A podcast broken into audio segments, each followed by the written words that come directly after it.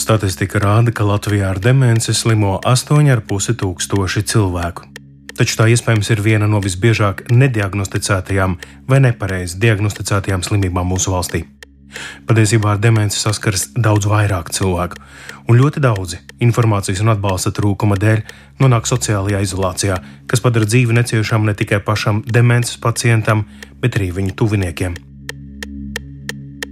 Par noklusēto diagnozi demenci Šodien runāsim atvērto failu pusstundā. Pirmā daļa - neredzamie upuri.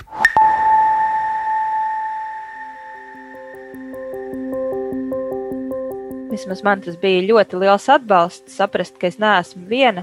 Jo šai slimībai, šai diagnozē ir stigma. Par to nerunā.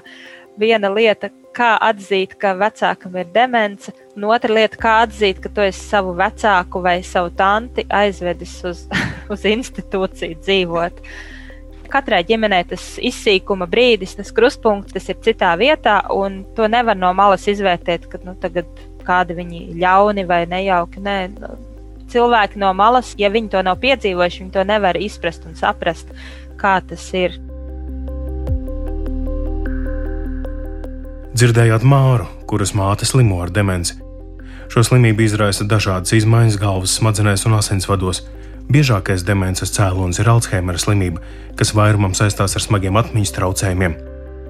Taču demences iespējā slimnieki arī zaudē orientēšanās spējas telpā, laika izjūtu, mainās viņu raksturs, garastāvoklis un uzvedība. Iespējams, redzes, dzirdes un pat smaržas un garšas halucinācijas. Turpinājumā ar savu pieredzi dalās Ginta. Mēs bijām nopirkuši tā kā, lai viņai vieglāk ir elektrisko tēkanu. Un ko viņa bija izdarījusi? Viņa bija viņu uzlikusi uz gāzes plīts. Un tad mēs sapratām, ka tas jau ir nu, jau tā galējā robežā. Un tad arī jāsaka tikai pa platiem. Tētis, mēs sapratām, ka nav citu variantu, jo mēs nevarējām būt ar viņu 24, 7. Tētis viņu dabūja Gaļas zara pansionātā. Šim raidījumam intervēju sešus tuviniekus. Praktiski visos gadījumos pirmie simptomi paslīdēja garām tuvinieku uzmanībai. To, ka tie nav nedz untumi, nedz ekstravaganti rakstura iezīmes vai kaprīzes, pat paši tuvākie cilvēki pamana novēloti. Jebkuras citas neārstējamas slimības gadījumā 8,5 tūkstoši nedziedināmu cilvēku liktos daudz, taču Latvijā pat šī statistika ir ļoti nepilnīga.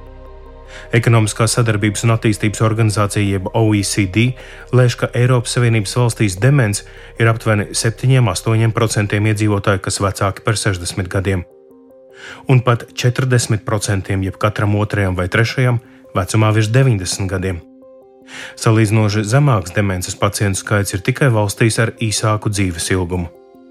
Latvija patiešām ir valsts ar zemu vidējo dzīves ilgumu uz citu attīstīto valstu fona, Taču pat tādā gadījumā demences rādītājiem Latvijā būtu jābūt vismaz divas vai trīs reizes augstākiem.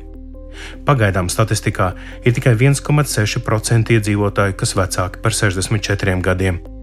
Citiem vārdiem sakot, valsts nav informēta par vēl vismaz aptuveni 8,5 tūkstošiem cilvēku, kas sirgst no nedziedināmās slimības.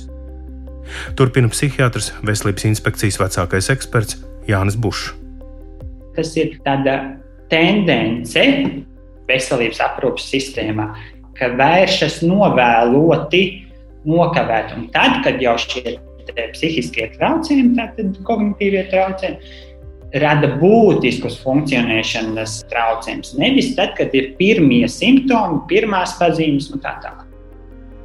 Ja runā par citām neārstējumām slimībām, problēmu aktualizē informācijas un ziedojumu vākšanas kampaņas, publikācijas medijos, taču ne demences gadījumā.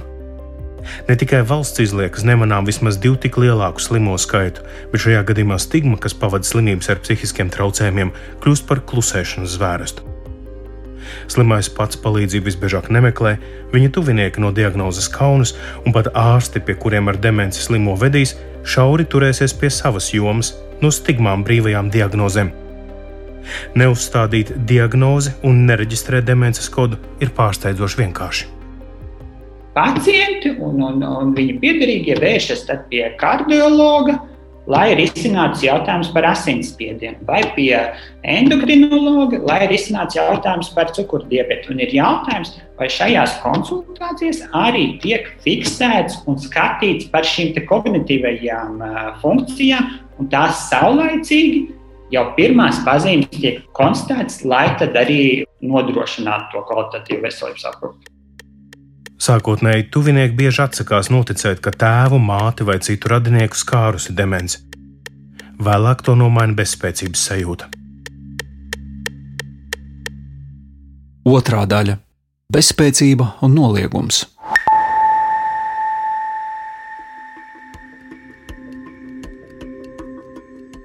Viņu atveda kaimiņiene, jo mamma izradās staigāja gar māju uz priekšu, atpakaļ un nevarēja saprast, kā tikt savā mājā. Un tad es sapratu, ka viss ir slikti. Jo pirms tam, apmēram tagad patinot filmu atpakaļ, es saprotu, ka tas viss sākās pirms desmit gadiem, varbūt pat vēl vairāk, kad sākās tās runas par to, ka pazuda mantas. Man viņa stāstīja par visiem, pilnīgi visi cilvēki, kas nāca. Viņa stāstīja par viņiem, ka viņi zog. Citiem viņa stāstīja par mani, ka es atnāku un viņai tur iznesu pusdzīvokli un visu laiku tas atslēgas zogu. Un, nu, toreiz es to norakstīju uz kaut kādām dīvainībām, un vienkārši centos mazāk pati iet. Es caur bērnu nodevu viņai naudu, nu, lai atbalstīt, un visu laiku ar viņu runāju pa telefonu. Bet nu, tā, pat man bija bailes uh, gar viņas māju iet, jo visu laiku bija nu, tie pārmetumi, ka es kaut ko tur viņai nesu ārā. Šis ir Jānis stāsts. Turpinājumā Elīnas. Ja, teiksim, iepriekš viņa vairāk kārt stāstīja viens un tos pašus stāstus, un vairāk kārt uzdeva viens un tos pašus jautājumus, un neatcerējās, ka to ir darījusi Nu, tad, teiksim, tās pagrieziena punkts bija tas, ka viņi stāstīja, ka viņi ies uz veikalu, ko viņi arī vēl pirms kādiem pāris gadiem darīja pati. Bet aizbraucot pie viņas ciemos, ir skaidrs, ka ēdiena mājās nav. Nu, viņa ir bijusi, viņa saka, ka viņa ir kaut ko pirkusi, bet kur tas viss ir, viņa tā kā nu, izzūd. Tas. Mēs, protams, nezinām, ko viņa darīja tajā veikalā. Nu, tad, piemēram, kad piezvana nu, radiniece, kas kam viņa ir tante, apsveikt uh, Ziemassvētkos, pēc tam viņa zvana nu, man, kā meitai, un prasa, kas ir tas cilvēks. Latvijā demence diagnosticē novēlot. Ja turpretim to diagnosticētu agrīnā stadijā, slimajam būtu iespējas pieņemt svarīgus lēmumus attiecībā uz to, kā tiks nodrošināta viņa aprūpe slimībai progresējot, kā tiks pārvaldīts viņa īpašums un kam tiks mantojums. Vēlāk, saulēcīgi nerisinātie jautājumi rada jaunas grūtības un arī neļauj parūpēties par pašu sirdzēju. Stāsta Ginta. Bet nu, tajā brīdī, kad atnāca tas jurists, viņa vispār neko nesaprata. Nekas viņa pat pati ir. Viņa nevarēja, man liekas, īsti pat nosaukt savu vārdu. Nu, katrā gadījumā loģiska rīcība bija tāda, jurists, ka viņi pateica, ka viņi loģiski nepieņems šo parakstu, jo cilvēks vairs nav patiesībā pie pilna saprāta, ja tā var teikt, un nav rīcības spējīgs. Tuviniekiem laikus nesakārtotie juridiskie aprūpes un rīcību nespējas aspekti sagādā papildu grūtības, bet krāpniekiem tā ir medusmaize. Latvijā bieži gadījumi, kad demences iespējā apsviedīgu darboņu rokās nonāk pat miljoniem vērti lauksaimniecības un citu uzņēmumi. Dzīvokļu un uzkrājumu izkrāpšana ir teju ikdiena. Apstrīdēt darījumu praktiski neiespējami. Advokāti un tuvinieki cenšas apelēt pie rokrakstu viltojumiem, bet saņem nepielūdzamu secinājumu. Paraksts tiešām pašrocīgs. Visus savus ietaupījumus zaudēja arī Jānis Māte. Daļa tā, ka viņai likās, ka viņu visu laiku apzog, viņa izdomāja, ka viņai jāpērk dzīvokli. Viņa aizgāja uz kaut kādu kantori un deva visu naudu, kas viņai bija. Vienkārši viņa izņēma bankā un Es to uzzināju tikai vēlāk, jo es ieraudzīju viņas iesniegumu policijai pret to firmu, kur viņa, protams, nenoslēdza līgumu, nekādu dzīvokli viņa nenopirka, bet naudu visu, visu, visu viņa atdeva. Savukārt, skaidro naudu, ko meita deva, līdz ar citām lietām no dzīvokļa, paņēma kāda krāpniece. Es gāju arī uz policiju, tur tikai smējās. Jo es no tās sievietes zināju telefonu numuru un vārdu. Un Mm. pat uzvārdu nezināju, varbūt vārds arī nepareizs. Ne adresi, neko mamma arī nezināja. Kā viņi uzvedās, kā viņi tos cilvēkus atrod. Personas ar demenci ļaunprātīgi izmanto arī telemārketinga uzņēmumi. Izmantojot to, ka slimajam izmainīt personību un spriest spēju, tiek telefoniski noslēgta distances tirdzniecības līgumi. To pieredzējusi Elīna. Jā, mums tikko bija. Es atbraucu pie viņas, viņai stāv kaste. Atvestas ir zeķītes un kaut kāda tīģeru plāksteri, un ka pa telefonu pieņemts pasūtījums, un tagad ir rēķins par 40 eiro. Nu, mēs tādi uzstājīgi esam, un tā telemarketinga kompānija atsūtīja e-pastu, ka viņi atsakās no tā rēķina. Nu, jo, jo viņi viņai bija zvanījuši arī iepriekš, un es vienreiz biju gadījusies pa viņas telefonu. Viņi jau runā tikai ar veciem cilvēkiem. Viņi jau zina, ko viņi dara. Jo, ja viņam ir pretī tāds adekvāts, adekvāts sarunu biedrs, viņi jau viņi liek nost klausu. Demence nešķiro cilvēkus, ar to sirgs gan tie, kas dzīvo ģimenes lokā, gan tie, kas dzīvo vieni. Slimības skar gan bagātos, gan nabagos. Taču ģimenēm ar zemu rocību tuvinieku saslimšana rada vēl vairāk problēmu pacientu veselības un sociālās aprūpes nodrošināšanā. Trešā daļa - atbalsts.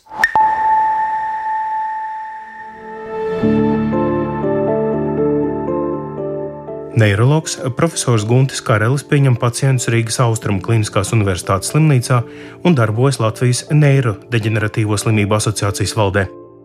Pirms Covid pandēmijas asociācija paguva norganizēt vairākus pasākumus. Tomēr kopumā ar demenci un citām neirodeģeneratīvajām slimībām saistītu problēmu apzināšanās Latvijā ir neapgūts lauks. Pat līdz tam, ka valsts nekompensē ar šo diagnozi saistītus preparātus. Problēma, es piekrītu, ir samilzusi, mazāka nepaliks, jo mēs paliekam vecāki. Un kā jūs tur redzat, arī dažādos datos, vai Pasaules veselības organizācijas, OECD, jo vecāks cilvēks, jo vecāka populācija, jo vairāk ir demenču. Un, respektīvi, tad, tad izrādās, ka teiksim, nav īsti tā viena tāda stacionāra, kurā varētu aizsūtīt, lai tie pacienti tiktu pieskatīti un aprūpēti, un tā tālāk, vai valsts apmaksātu, kur piederīgi varētu doties uz saviem darbiem, vai tā tālāk. Un otrs ir, nu, joprojām uz doto brīdi nav neviens tāds medikaments, kas ir kompensēts nu, kaut vai vieglu kognitīvu traucējumu gadījumā, terapijā Latvijā. Ja, ja pasaulē tas ir pieejams, tad uz doto brīdi tiksim, piederīgiem jātērē savi līdzekļi, jāpērk šie medikamenti un tā tālāk. Tā kā tiešām problēma ir. Visi intervētie tuvinieki norāda, ne tikai trūkst valsts vai pašvaldību palīdzības, bet galvenais Nav informācijas, kam gatavoties, kur vērsties, ko vispār darīt. Gatavojot raidījumu, aicinājumam izstāstīt savu pieredzi atsaucās arī kāda sieviete, kur nevēlas, lai viņas balss ieraksta. Sievietes teikto ielas radio kolēģi. Tiem, kam ir jākopj slims bērns, vismaz ir kopšanas atvaļinājums, bet tiem, kas kopja vecu cilvēku, nav nekā. Aprūpētājs mainījās ļoti bieži. Var vienkārši piezvanīt un pateikt, es pie jums vairs nenākšu. Šim darbam apmāca bezdarbniekus, bet viņi nevienu slimnieku pirms tam nav redzējuši. Nezina, kādas ir vajadzības un kā ar šiem cilvēkiem strādā. Viena nāca salaistījusies odekolonu, pie citas mamma paliek nēdusi, sociālais darbinieks tikai pasaka, nēd un viss. Netiek pat pamperi mainīti. Man divos dienā beidzās darbs, un uzreiz skrēju mājās, lai pagūtu uz trījiem, kad sociālie dodas prom. Galu galā man pašai palika slikti, un tikko ar ātriem aizvestu uz slimnīcu. Uzņemšanā man zvana un saka, lai es pēc pusstundas būtu mājās, mani negaidīšot. Nebija variantu, nesagaidījusi ārstu, skrēju mājās. Citētās sievietes māte jau viņā saulē, bet viņa pati nonāca līdz klīniskai depresijai. Zaudējusi darbspējas un jau mēnešiem ārstējusi. Raudādam viņa stāsta, ka pirms mātes saslimšanas viņu mājas durvis nemitīgi vēruši ciemiņi. Agrāk māte bija saistīta ar diviem deju kolektīviem. Mājas durvis nav vērušās ciet pie viņiem nākuši pārģērbties, mēģināt, pulcējušies jubilejās. Tad māte saslima un viņas palika gluži vienas. birokrātiskās prasības augstas, bet atbalsta un pats svarīgākais - informācijas praktiski necik. Šis motīvs atkārtojas no vienas piedarīgo intervijas uz otru. Nu, jā, toreiz ir tas galvenais, atkal, ar ko mēs saskārāmies, tu, tu, tu, tu gribi, un ja pat tev ir līdzekļi, tu nevari neko izdarīt. Nu, tur nevar, nevienam tas cilvēks nav vajadzīgs. Nevienam. Tāda bezspēcības sajūta jau vienā brīdī paņem. Jo nu, skaidrs, ka katram ir savas lietas, un ka tu dzīvo pie tā cilvēka nevar, jo tad tu kļūsti par viņa nu, aprūpētāju. Jo tur, saku, tur bija jābūt jau 24, 7 jau visu laiku. Jau. Tuvinieki, kuru piedarīgie jau miruši, atzīst, ka nāve šajos apstākļos nāk gandrīz kā atvieglojums, lai cik briesmīgi tas neskanētu. Ceļā līdz tam viņi ir vieni. Slimais nesadarbojas, pārējiem gar viņu likteni maza daļa. Turpinājumā vēl viens pieredzes stāsts - Zigmārs. Nākamā slimība, kas viņai radās, un, un tas, kas notika, nu, var sakot, vēzis, Agnēs bija, nu, tas jau nāca kā atvieglojums tam visam, nu, kas notika pirms tam savā ziņā. Tu neesi paredzējis, ka tas cilvēks, kas ir tavs tuvākais, ir sācis kļūt neloģisks un viņš dzīvo. Nu, viņam ir parādījusies kaut kāda sava pasaule, ja tajā galvā. Ja, tas jau ir, kā man ārstāstīja, tas ir tiešām tas, ko viņš redz, sajūt un uztver. Un līdz ar to tas, nu, ka mēs esam sākuši iet divus atšķirīgus ceļus uz šī paša zemes virsmas. Viņa nereizi ar šo situāciju pie doktoriem viņa var varu nebija pat aizdabūnama. Kas tad man nu kaiš? Nekas tāds nekaiš. Jā. Bija ļoti agresīva pretestība, ka jūs man trakonamā gribat iebāzt un tam līdzīgi. Jā. Līdz ar to tieši demences diagnoze nevienos failos nav bijusi fiksēta, kas varbūt ir vēl trakākais. Ceturtā daļa - Noklusēšanas cena.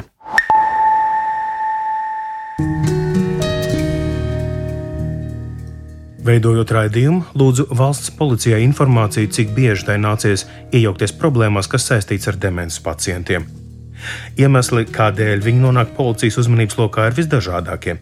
Piemēram, Janas mātei radās uzmācīga pārliecība, ka viņu apzog, un to dara gan kaimiņi, gan pašas tuvākie cilvēki - meitas, nots un mazdēls.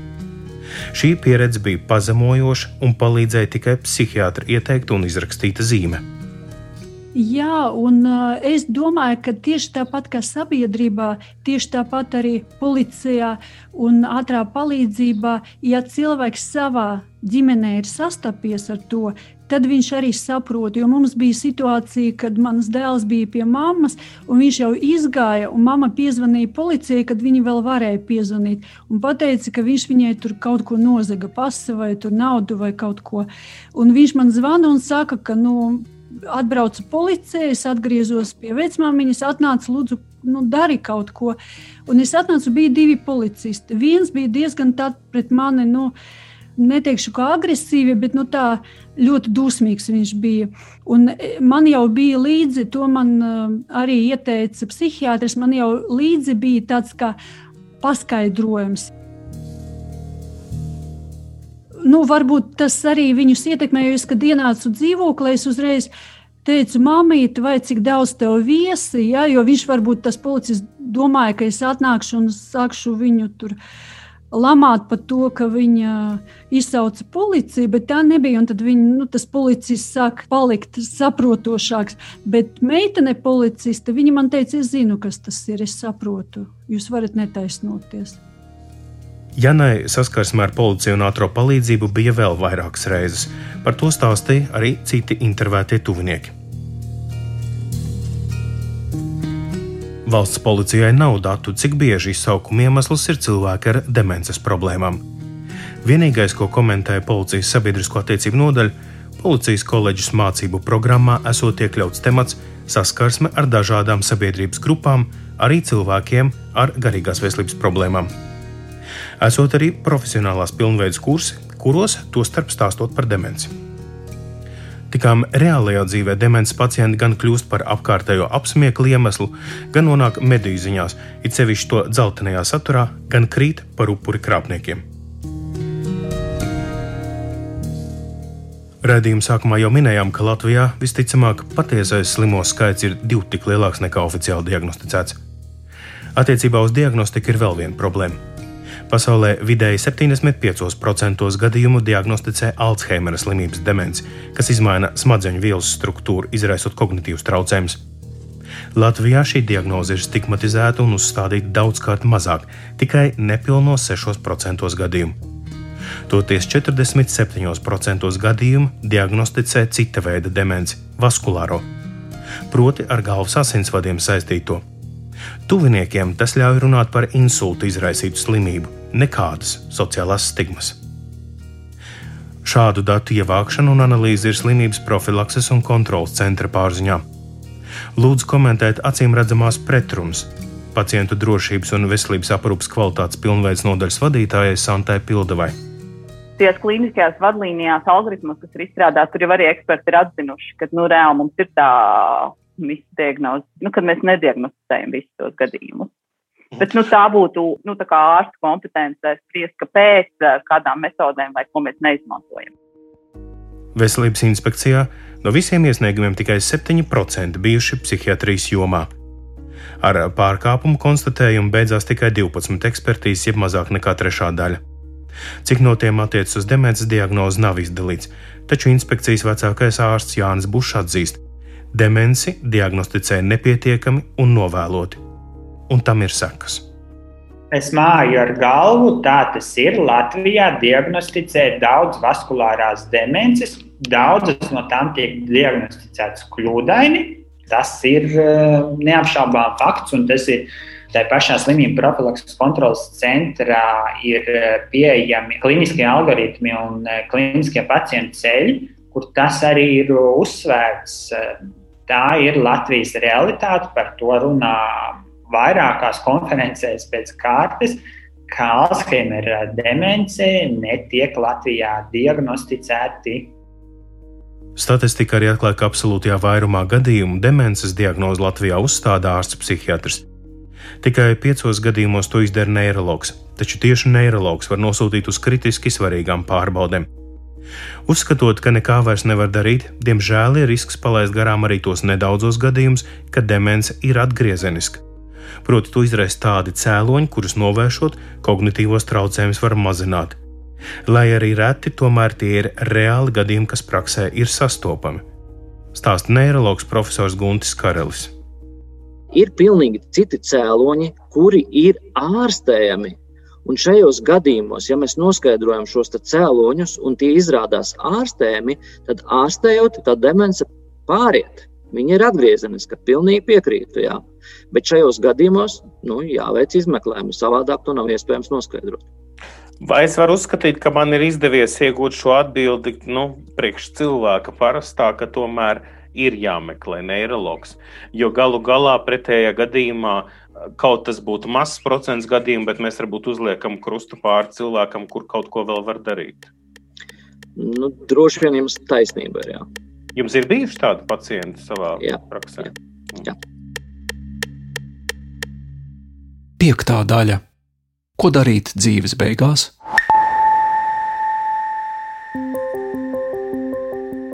Visiem intervētajiem tuviniekiem demence likus uzdot jautājumu, kas sagaida viņus pašus. Trīs no viņiem meklē psihologu vai psihiatra palīdzību. Viena sieviete zaudēja darbspējas un turpina medikamentozo terapiju. Viņa cer sagaidīt mūža nogala ārzemēs, jo pašas pieredze Latvijā laupījusi jebkādas cerības. Intervijas fragmenti ierunā radio kolēģi.